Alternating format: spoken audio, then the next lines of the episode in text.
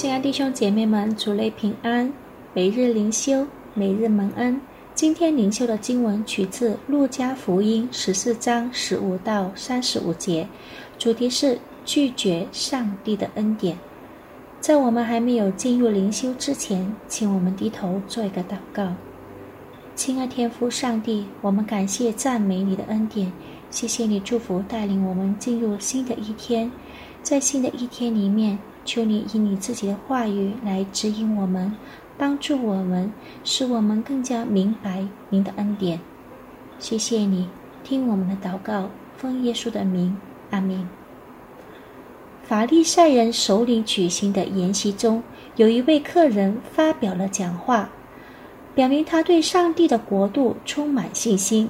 他说：“在上帝的国里吃饭的有福了。”他似乎非常有信心，凭着当时犹太人的信仰，就能够进入上帝的国度。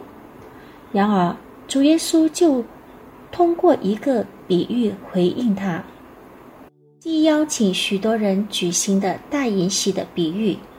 宴席即将开始时，主人命令仆人请客人参加宴席，因为样样都齐备了。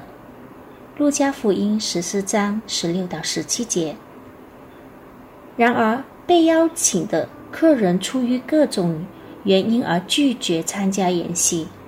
有的人想看看新买的地，有的人想看看新买的牛，有的人因为刚结婚而拒绝参加宴席。这些理由都是借口的，因为没有人。愿意在看到土地之前先购买土地。同样的，任何人都不可能不事先看就直接买了五对牛。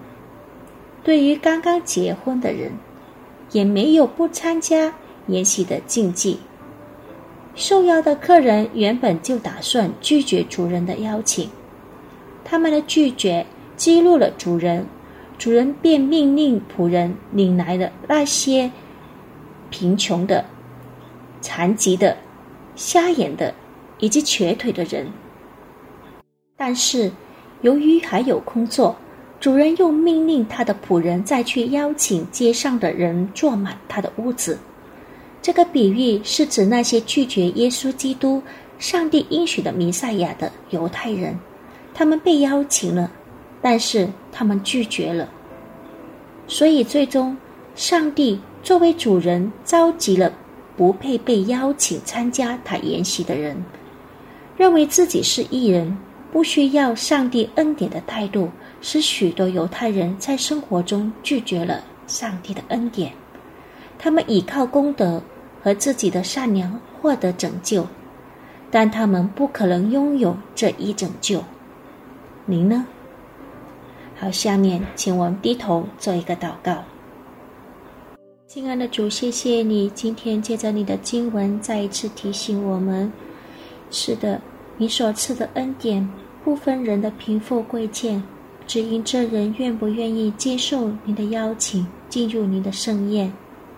感谢你今天，你为我们打开了你国度的大门，我们也感谢你对我们的爱的邀请，让我们今天也能够怀着感恩的心。一同领受你国度恩典的福分，谢谢你天父，听我们祷告，奉耶稣的名，阿门。上帝祝福你。